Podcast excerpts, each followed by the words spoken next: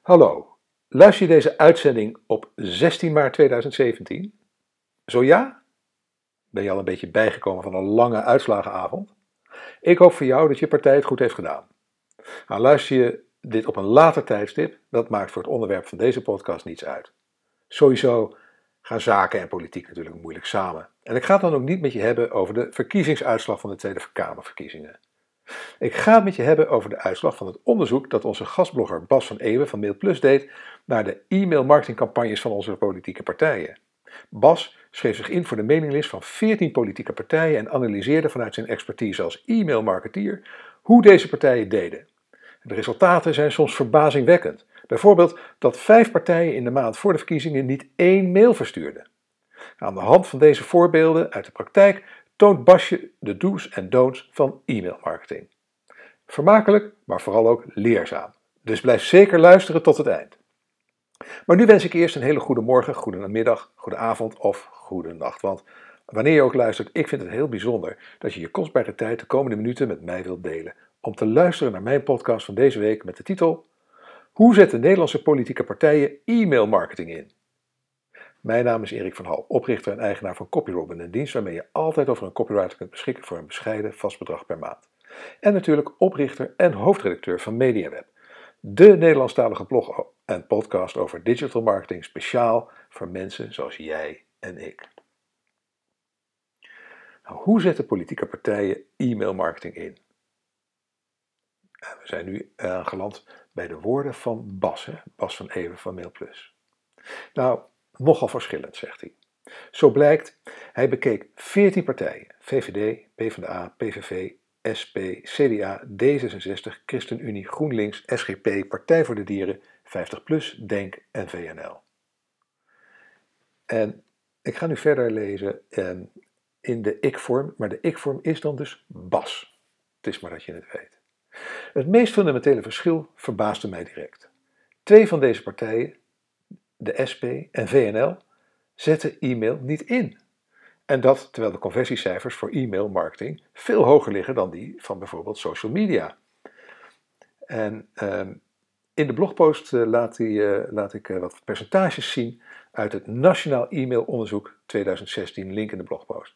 Maar het komt erop neer dat maar liefst 73% um, converteerden in 2016 nadat ze één, één keer of vaker een mail hebben ontvangen. En voor het verhogen van het aantal leden van een partij zou dit dus een sterk kanaal zijn. Nou, wat je als marketeer kunt leren van de e-mailmarketing in Den Haag, vertel ik je puntsgewijs aan de hand van do's en don'ts. Punt 1. De belofte vooraf. Ieder partijprogramma draait om het doen van een belofte en uiteraard vervolgens het nakomen daarvan. Ook bij het inschrijven op politieke nieuwsbrieven was ik benieuwd naar deze belofte. Wat kan ik nu concreet verwachten als ik me inschrijf? Nou, de komende minuten geef ik je een paar voorbeelden die ik tegenkwam bij het inschrijven op nieuwsbrieven. De doel. Vertel wat de ontvanger te wachten staat. Een duidelijk en ook vrij vormgegeven inschrijfformulier is die van de PvdA. De belofte is helder. Als je je e-mailadres achterlaat, dan word je op de hoogte gehouden van het laatste nieuws. Veel partijen pakken het op deze manier aan. Don'ts. Niets vertellen over de belofte. Een aantal inschrijfformulieren oogt gedateerd, zo ook het voorbeeld van de PVV. En uh, zie je een screenshot uiteraard hiervan in de blogpost. Wat ontbreekt rondom dit formulier is informatie over wat ik als inschrijver zal ontvangen. En tegelijkertijd wil de PVV al direct veel van me weten. Deze combinatie nodigt niet erg uit. En de PVV vraagt om een voornaam, tussenvoegsel, achternaam, e-mail, geslacht en nog een drop-down menu. Um, eh, dus best wel veel dingen om in te vullen. En ja, er staat nergens wat je gaat krijgen. Hoe vaak, uh, enzovoorts. Goed, dat was punt 1. Punt 2, bevestiging van inschrijving. Natuurlijk streeft iedere politieke partij ernaar om zich aan de wetgeving te houden. Ook wanneer het gaat om e-mailmarketing. Een dubbele opt-in, bevestiging van de toestemming van een inschrijver, is niet wettelijk verplicht, maar het toont wel aan dat je als organisatie zorgzaam omgaat met de gegevens van je inschrijvers. Deze aanmeldbevestigingen ontving ik. Doe. Dubbele opt-in en professionele uitstraling. De VVD heeft het inschrijvingsproces goed op orde. Na aanmelding via de website ontvang je binnen enkele seconden een heldere bevestigingsmail. Positief is dat deze mail simpel is, maar wel vormgegeven naar de huisstijl van de VVD. Uh, een afbeelding in de blogpost, waarvan staat VVD. Bedankt voor je inschrijving. Leuk dat je wilt meedenken over Nederland. Nog één laatste stap voordat je aanmelding rond is. Klik hier om je aanmelding te bevestigen. En dan de don'ts. Geen bevestiging of onduidelijkheden. De SGP en DENK hanteren geen dubbele opt-in. Bovendien ontvang je helaas van deze partijen ook geen bevestiging van je inschrijving. Van andere partijen ontving ik wel een bevestiging, maar in sommige gevallen riep dit ook vragen op. Bijvoorbeeld de bevestigingsmail van het CDA, waarin zij aangeven dat ik spoedig een antwoord ontvang op mijn verzoek of vraag. En de bevestigingsmail van het CDA leest: Bedankt dat u contact hebt opgenomen met het CDA. We hebben de volgende gegevens van u mogen ontvangen. Uh, vul uw e-mailadres in, bas.blinker.nl, ingevuld op https www.cda.nl Dan komen ze spoedig mogelijk bij u terug met een antwoord op uw verzoek, vraag, met vriendelijke groet, hartelijke groet. CDA. Ja, dat is dus eigenlijk, uh, dan spreek ik even namens Erik van Hal, uh, eigenlijk merkwaardig. Je schrijft je in op een nieuwsbrief en dan krijg je een soort bevestiging alsof je een contactformulier hebt ingevuld. Dat is best verwarrend. Goed, dan komen we bij punt 3. De frequentie van de nieuwsbrief. Een interessant gegeven op strategisch gebied is hoe vaker een mailing wordt verzonden.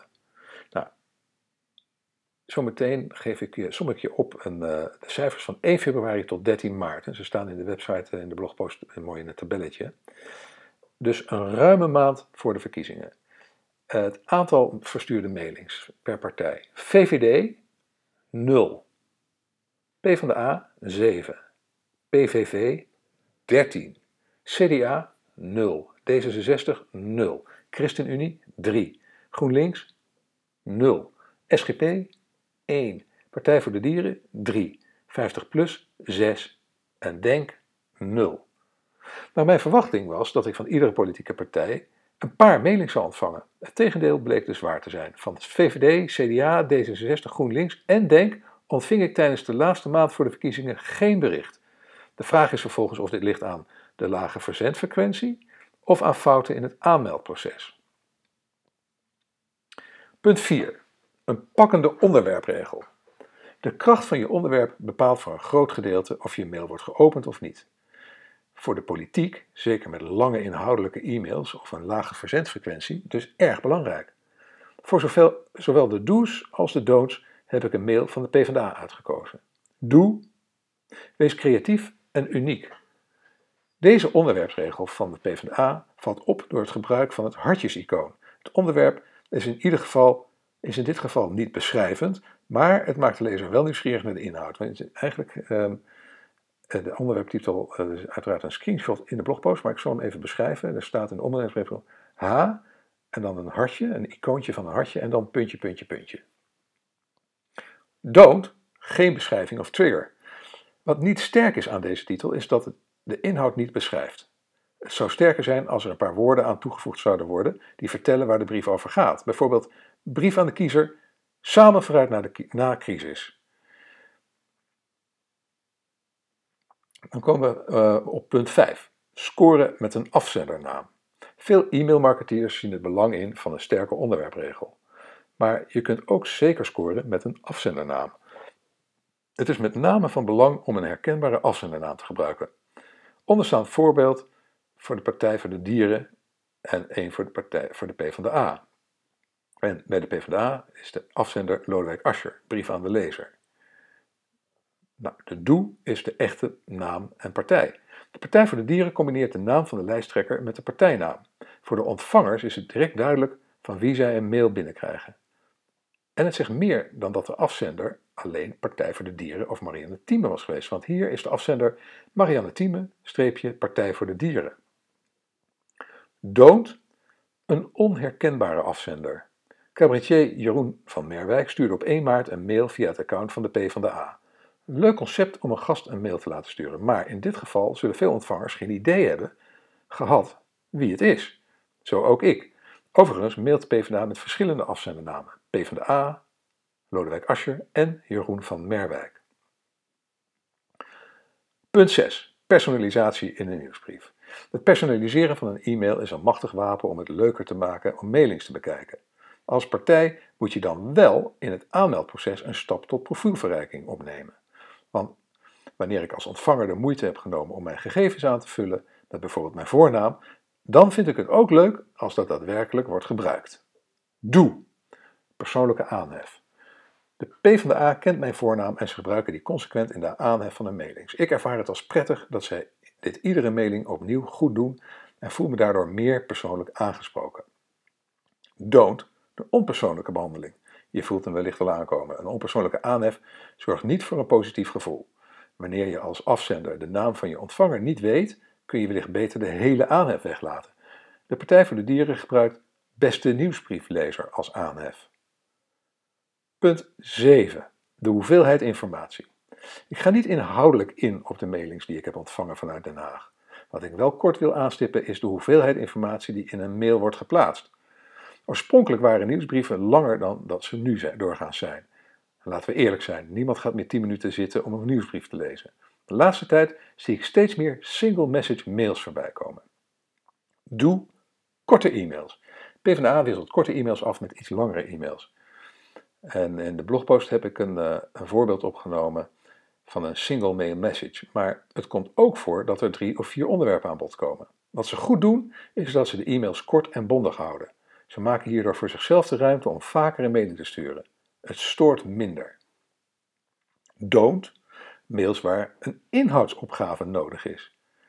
In het voorbeeld in de blogpost zien we een mailing van de SGP. En die heeft dan daadwerkelijk een inhoudsopgave nodig om het overzichtelijk te maken. Nou, helaas raakt de lezer alsnog snel het overzicht kwijt, omdat er gewoon te veel informatie aangeboden wordt. En dit gaat ten koste van de scanbaarheid van de nieuwsbrief.